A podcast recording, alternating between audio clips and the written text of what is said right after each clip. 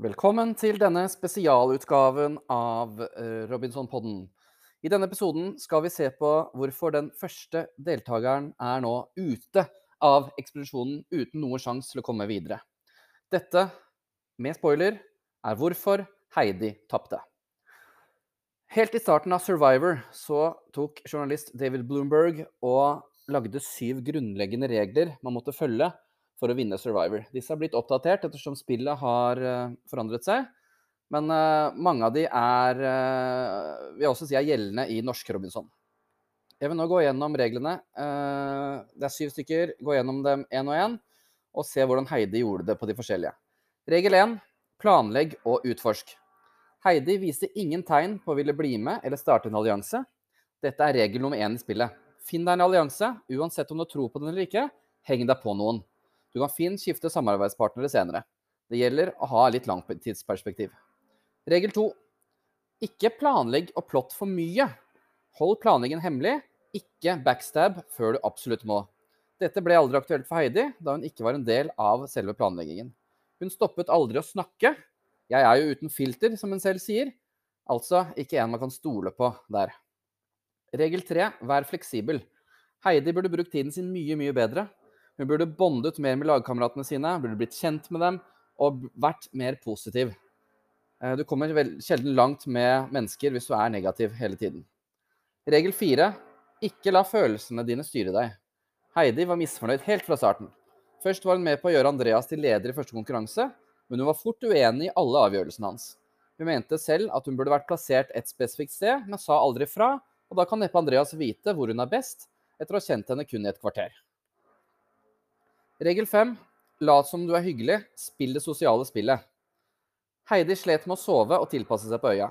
Hun savnet familien, men lot frustrasjonen gå utover lagkameratene, som kom bort for å høre hvordan det gikk. Her må man bare svelge stoltheten sin litt, og selv om man mistrives, så må man spille med. Spesielt når vi bare er på dag to. Og når da Joppe spesielt kommer og en, prøver å få henne til en samtale med henne, hun bare avfeier, avfeier, avfeier, at dette er ikke interessant å snakke om. Hun har det fælt, og sånn er det bare. Hun sier selv at dersom noen blir forbanna på henne for ting hun sier, så driter hun i det. Regel 6. Ikke vær for mye av en trussel. Eh, Heidi oppførte seg ikke som en trussel, men hun gjorde seg tidlig til en target da hun sa høyt foran alle at hun ikke hadde noe imot å bli stemt ut. Er det noe man vil ha de første øyerådene, så er det et enkelt valg til utstemning. Regel 7. Vite hvordan du skal håndtere idoler og fordeler. Uh, Heidi var på utkikk etter Hidden Immunity Idol. Uh, dette er jo veldig bra, men hun klarte altså ikke å finne den. Men de andre var såpass usikre at, uh, om hun hadde den eller ikke, til at de valgte å kjøre en split vote. Heidi var heller ikke blant de som meldte seg frivillig bla, blant de fem som skulle dra til Kembali på det ukjente oppdraget. Og dette var nok en klok avgjørelse. Her kunne fort Heidi ha røket allerede. Vedlegg 1. du må få stemmen din til å telle. Husk sluttmålet ditt. Sluttmålet er jo selvfølgelig å komme helt til final two eller final three. I øyrådet sier hun at hun visste at hun skulle stemmes ut, og at ingen var interessert i å snakke med henne. Eh, det jeg lurer på, var hun interessert i å da snakke med dem? Hvis ingen kommer til deg, da er du nødt til å oppsøke dem. Enkelt og greit. Eh, hun var ellers krass og sier at alle skal ut til slutt uansett. Noen må være først. Det er altså ingen ydmyk person i dette øyrådet. Hun valgte kun å si ha det til én person på vei ut. Eh, så for en oppsummering.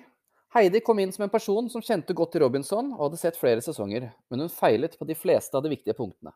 Hun ble aldri med i en allianse, hun prøvde ikke å bli kjent med lagkameratene, hun var negativt innstilt og la aldri skjul på det. Som hun sa selv, jeg driter om de ikke liker meg.